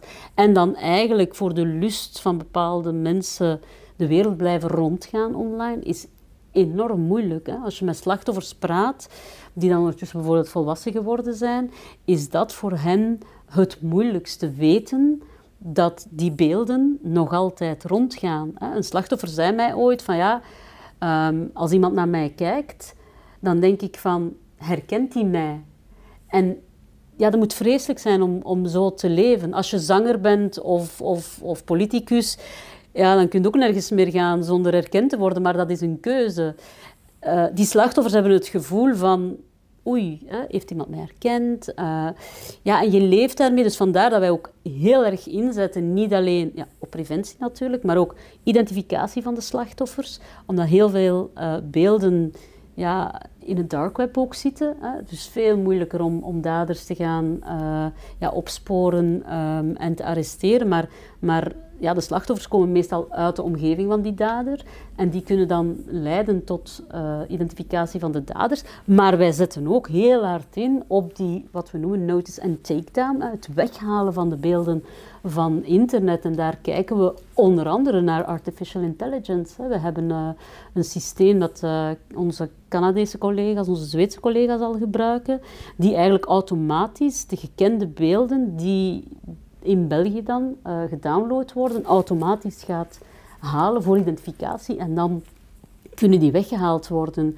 Maar eh, daar denk ik bijvoorbeeld dat alweer die kruisbestuiving tussen enerzijds die, die, die profit, die, die big tech, en anderzijds wij, dus de, de NGO-wereld, dat, die, dat, die, dat wij elkaar daarin kunnen versterken. Ik ben 100% van overtuigd dat er smart ja, technologieën bestaan die ons kunnen helpen in, in, die, in die strijd. Ja, was er ook niet ooit zoiets, Heidi, waar hij, ehm, ik denk een klein meisje of jongen werd nagebootst? Dus zo Ja, die sweetie. Ja, ja, Ja. ja. Nu, dat is ook een, een, een trend. Dus sweetie is inderdaad eh, een, een ja, virtueel kind eigenlijk, die dan eh, mannen bij wijze van spreken lokte. Dus daar was wat controverse rond, omdat bijvoorbeeld in België strafrechtelijk niks met die beelden kon worden gedaan, ehm, omdat dat uitlokking is en onze Belgische wetgeving kan dat nog altijd niet. Eh, maar anderzijds is het ook zo dat, dat we zien bijvoorbeeld, en dat is een grote uitdaging als we dan over strategie praten voor, eh, voor de toekomst, en we zijn aan het kijken naar onze strategie voor de komende jaren, ehm, dat is dat we binnen de beelden van seksueel misbruik van kinderen ook meer en meer virtuele kinderen zien opduiken. En dat, dat is natuurlijk eh, een hele moeilijke. Dan gaan we het bijna over ethische discussies hebben, over stepping stone. Hè? Is het zo dat als je als man of vrouw kijkt naar virtueel kind dat, dat verkracht wordt, is dat dan een stepping stone naar echt misbruik of niet? Kan je dan nog... Hè, want heel vaak nu in ons discours zeggen we heel duidelijk van kijk, elke foto, ik heb het daar juist ook gezegd, is een bewijs van seksueel misbruik van een kind van vlees en bloed. Dat is in dit geval niet zo. De deepfakes bijvoorbeeld is voor ons iets waar wij naartoe aan het kijken zijn met, met een stuk ja, we houden ons hart vast. Hè? Dus dat, dat door de foto's die ouders online plaatsen van hun kind, daarmee kinderporno kan gemaakt worden. Hè? Dus dat zijn zaken, dat zijn evoluties die we op de voet volgen en waar we dan ja, moeten op gaan inspelen. Qua wetgeving zitten we in België gebeiteld. Hè? Dus zelfs een, een, een, een, eh, een strip met, eh, waar, waar seksueel misbruik van een kind wordt getekend, is in België strafbaar. Dus dat is, dat is duidelijk. Eh, dat virtuele valt daar voor mij ook onder. Maar waar we bijvoorbeeld discussies over hebben, is de, de ehm seksdolls. Dus de, de, de poppen die je via internationale websites kan bestellen. Zelfs met beeldenis van uw eigen kind of, of het buurmeisje. En kan je echt een, een bijna ja, een robotje bestellen dat een kind is van leeftijd naar keuze. Ja, dat zijn, dat zijn zaken waar, waar we toch wel moeten ons bewust van zijn. En um, die kan je heel onkies vinden. En ik vind dat ook wel walgelijk, het idee op zich. Maar we moeten ook zorgen dat we daar juridisch sterk staan als bijvoorbeeld bij een huiszoeking wordt aangetroffen. Hoe ga je daarmee om? Wat ga je daar doen? Is dat strafbaar op zich? Er zijn verschillende, er zijn discussies over op dit moment. Dus daar zijn heel wat uitdagingen. Um, ja, op, op technologisch vlak en alweer. Ik vind het allemaal fantastisch, hè? artificial intelligence en dergelijke meer. Maar we moeten zorgen ja, dat, we, dat we niet vergeten dat, um, ja, dat het ook een keerzijde heeft. Ja, oké. Um, ik ga nu nog een paar korte vragen stellen, Heidi. Um, dat zijn uh, vragen waar je heel... Allee, je mocht natuurlijk antwoorden zolang dat je wilt, maar... Kort het, zijn, ja, het, het, heeft weinig... Het hangt niet nauw samen aan uh, wat ik ervoor heb uh, gevraagd. Um, waar krijg jij kippenvel van en waarom? Waar krijg ik kippenvel van?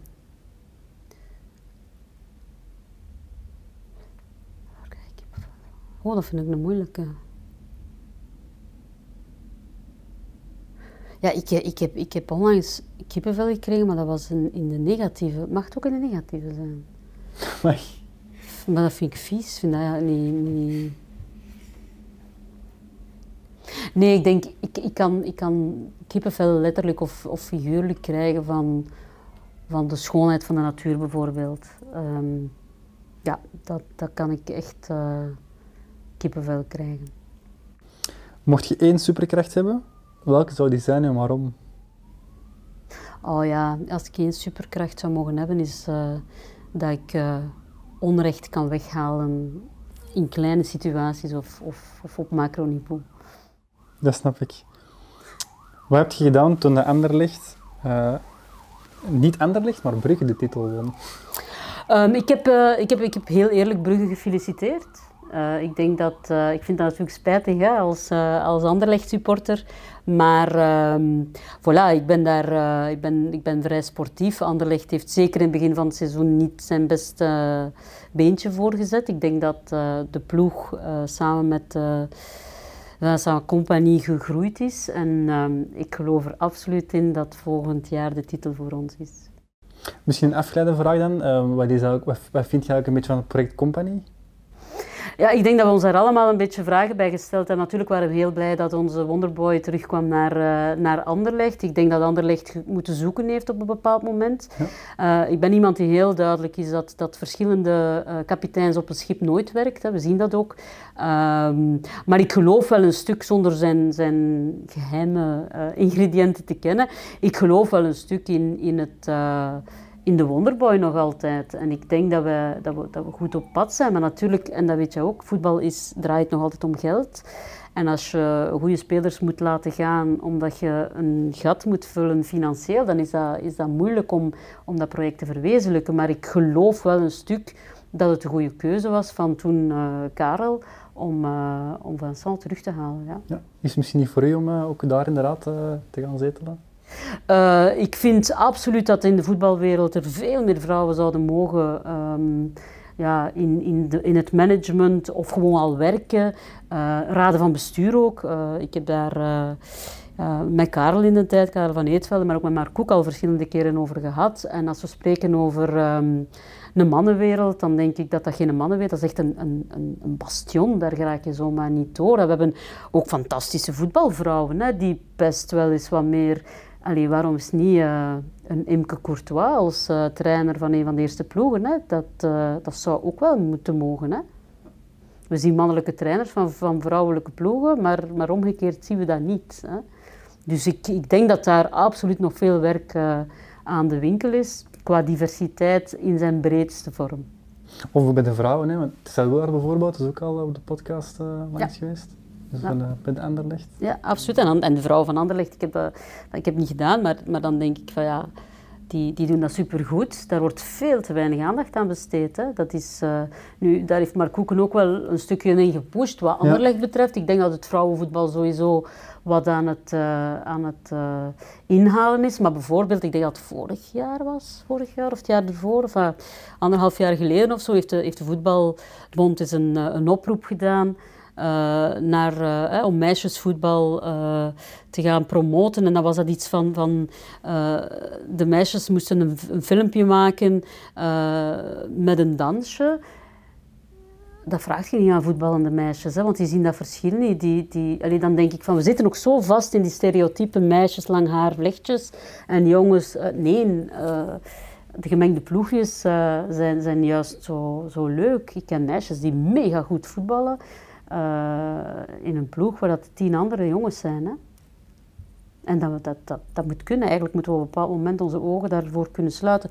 Maar wat, wat, wat ik niet wil zeggen, dat vrouwen gelijk zijn aan mannen. Hè? We zijn gelijkwaardig, maar fysiek zijn er verschillen. En laat ons heel eerlijk zijn, in fysieke kracht ook. Hè? Dus er zijn dingen die vrouwen niet kunnen, er zijn dingen die mannen niet kunnen. Laat ons daar duidelijk over zijn. Uh, maar ik denk dat we dat moeten een stuk uh, in openbreken. En een vrouwelijke trainer van een eerste ploeg, mannenploeg, moet kunnen. Ongetwijfeld. Wat vind je trouwens van uh, de samenwerking met Manchester City die toch een beetje op til staat of staat te gebeuren tussen Anderlecht? Ik denk dat dat vooral, uh, ja, vooral, vooral financieel is. En, en dat is een, uh, een, een managementkeuze op een, op een bepaald moment. Ik vind dat in de voetbalwereld ja, dat geldt. En, en ik kom natuurlijk vanuit een verleden van, van mensenhandel ook. Ik heb dat daar soms moeilijk mee. Zelfs als men spreekt van een Kevin de Bruyne wordt verkocht aan zoveel. Dan denk ik van... Ik, heb, allee, ik, ja, ik zit natuurlijk met die connotatie van mensen verkopen in een andere context. Maar ik denk dat we daar, uh, daar realistisch moeten in zijn. En dat ja, geld eigenlijk meer doorslag geeft dan mensen en misschien het sociaal project van voetbalploegen. Ze hebben allemaal wel een foundation, maar ik denk dat ze daar beter kunnen. Ja. Absoluut. Wat is uw slechtste gewoonte, Heidi? Mij alles aantrekken. Ja. En daar dan ook heel vaak nog een mening aan vasthangen. Die ik nu probeer soms te houden voor mezelf. Dankzij de quote van uw vriend ja, waar dankzij die, die, die quote van uh, je pense tout ce que je dis, mais je dis pas tout ce que je pense. Ik denk dat dat inderdaad... Uh, maar, maar ik trek me eigenlijk... Ik, ik, ik zeg dat soms van... Gelijk uh, ja, wat er nu gebeurt met, met die militairen die, die op de lo... Ik, ik ben daarmee bezig. Ik trek me dat echt aan. En dan denk ik aan de kinderen van die militairen. En dan denk ik aan Mark van Ranst uiteraard, maar vooral aan zijn zoontje. En dan denk ik aan die politiemensen en die militairen die hun leven op het spel zetten om die een ene te gaan zoeken die wapens bij heeft, die hun enige bescherming, namelijk een kogelvrij vest, kan doorboren. En ik denk dan aan, dat is bij mij dan het, het, het feit op zich vind ik erg genoeg. Hè? Een extreemrechtse, iemand die dreigt met ttt. Maar al de gevolgen die daaraan vasthangen, dan denk ik van wow, dit is, dit is uh, bigger than big. En dat moet ik een stuk, denk ik, afleren. Ja, het staat natuurlijk ook wel eens een kracht. Hè. Ik vind het ook wel heel mooi om te zien dat je die, dat inlevingsvermogen, zal ik maar zeggen, aan de dag kunt leggen. Dat ontbreekt soms bij bepaalde mensen, vind ik. Ja, en ik kan dat, um, ik kan, ik kan dat heel, heel sterk. En, en nogmaals, uh, er is een verschil tussen uh, empathie en sympathie ook. Hè. Het is, um, ik kan bijvoorbeeld, als we het dan toch hebben over, over uh, moeilijke thema's, hè, de, de, de vrouwen die op een bepaald moment beslist hebben om naar IS-gebied te trekken en, en een terroristische organisatie te gaan, um, ja, te gaan opzoeken en daar te gaan leven in dat kalifaat. Uh, maar ik kan daar naar luisteren en ik kan een stuk abstractie maken. Uh, ik keur dat niet goed, absoluut niet. Um, maar ik probeer daar ook um, ja, ergens te snappen van wat, wat drijft iemand om, om, zoiets, uh, om zoiets te doen. Um, en ik kan daar met, met empathie naar luisteren, maar geen sympathie voor opbrengen. Ja. Wat is uw grootste angst? Mijn grootste angst. Dat er iets met mijn dochter fout loopt. Dat denk ik dat een uh, absoluut, dat zij ongelukkig zou zijn om god weet welke reden. Of waar iets zou, zou overkomen, dat is, dat is mijn, mijn grootste angst, ja. Wat is één ding waar je niet zonder kunt in je leven?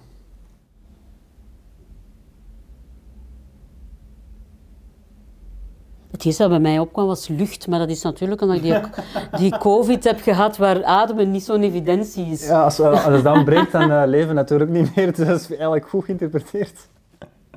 Nee, vrijheid. Ja. Ja. Ik denk dat het afschuwelijk moet zijn om niet...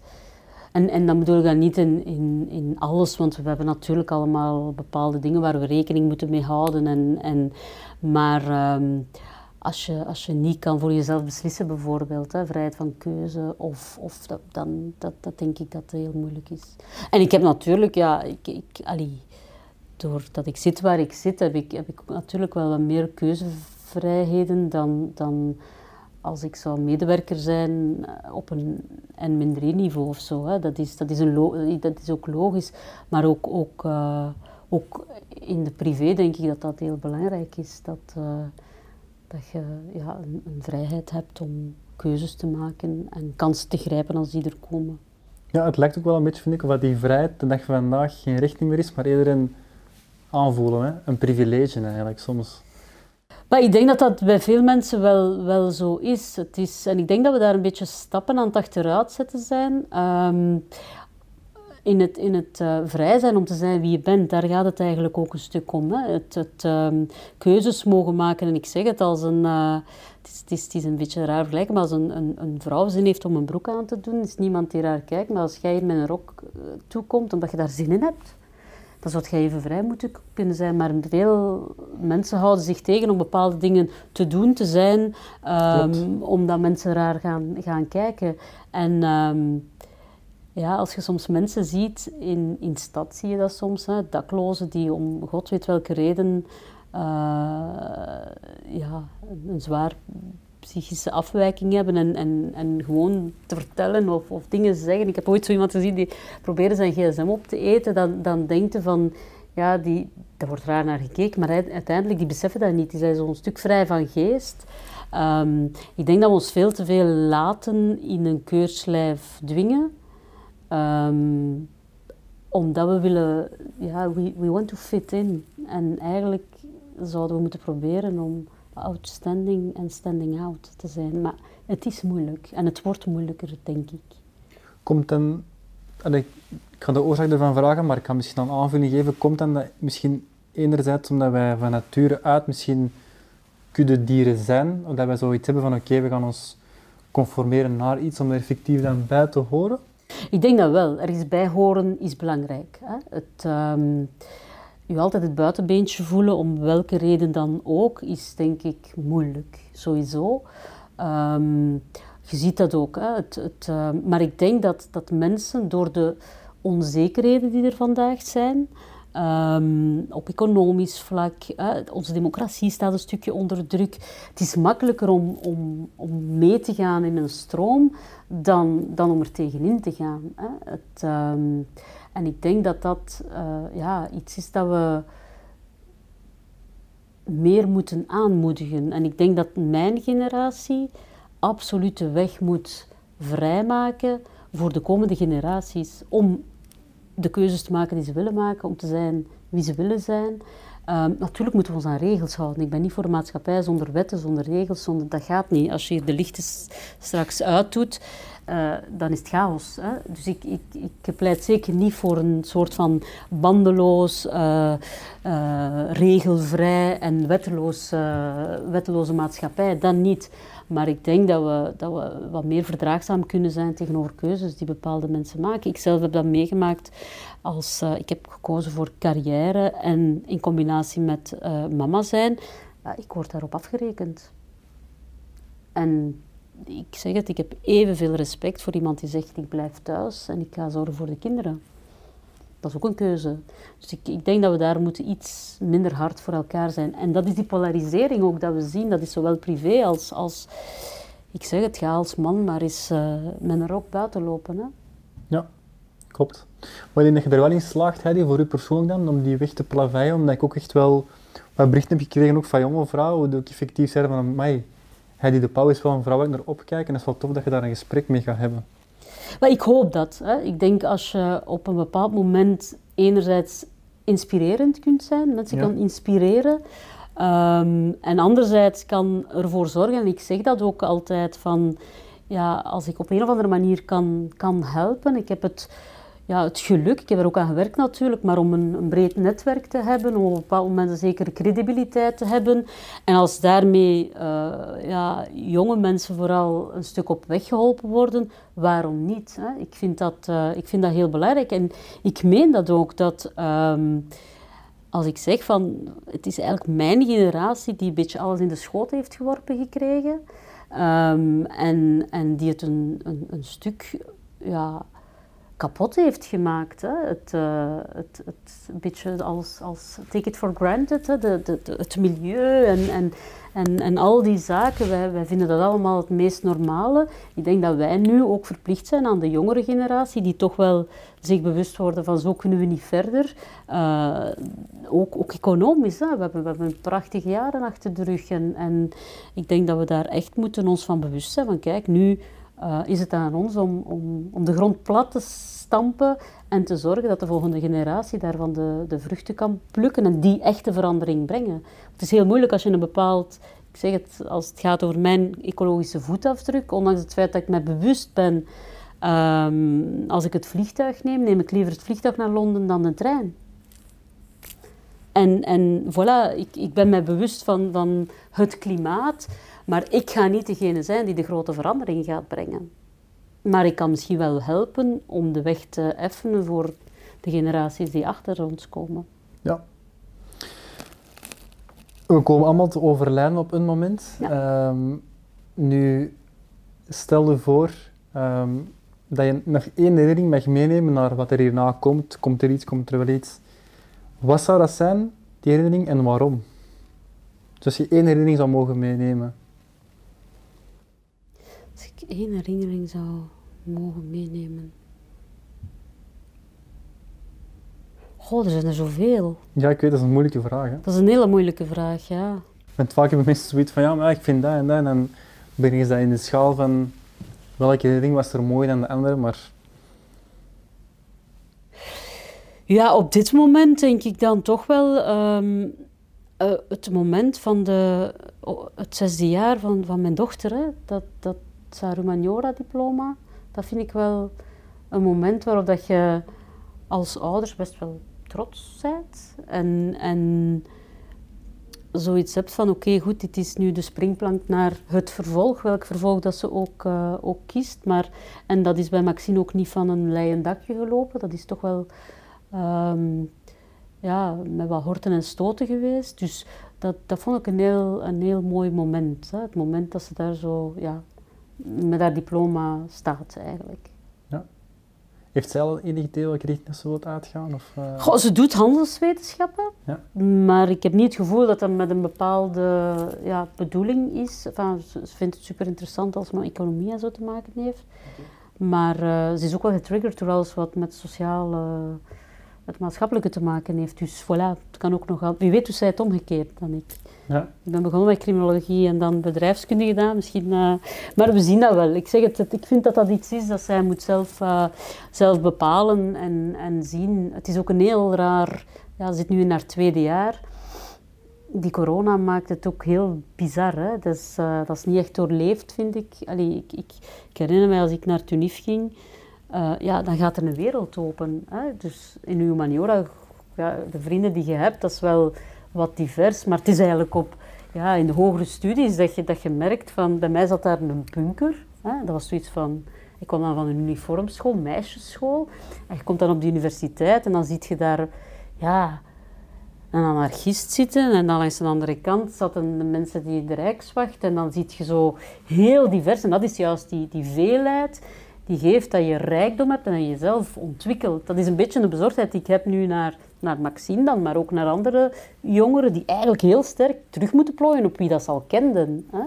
En, en, en ik denk dat ze heel weinig nieuwe mensen op de banken heeft leren kennen. Hè? Zij heeft haar vrienden van, van vroeger en van, van, eh, van school en van uitgaan.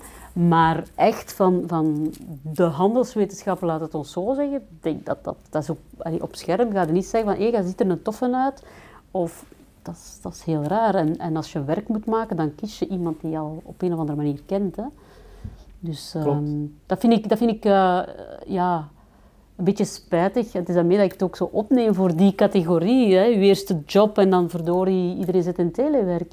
We hebben stagiaires of mensen die hier beginnen. Ik, ik, ik kom mensen tegen die ik nog nooit gezien heb. Hè, tenzij te- tijdens een sollicitatiegesprek of, of eens op scherm. Maar ik, vind dat, ik, ik heb dat daar moeilijk mee. Ja, oké. Heidi, ik wil je super hard bedanken voor je tijd. Is graag gedaan. Ik eh, hoop dat Anderlecht misschien nog de Conference League of wat is het, eh, wint. Ja, En eh j'espère Ja. que tout va rester bien. ja voilà, het is dat. Tout bien. Alles komt altijd goed. Eigenlijk komt het altijd goed. Top. Ça va, dankjewel.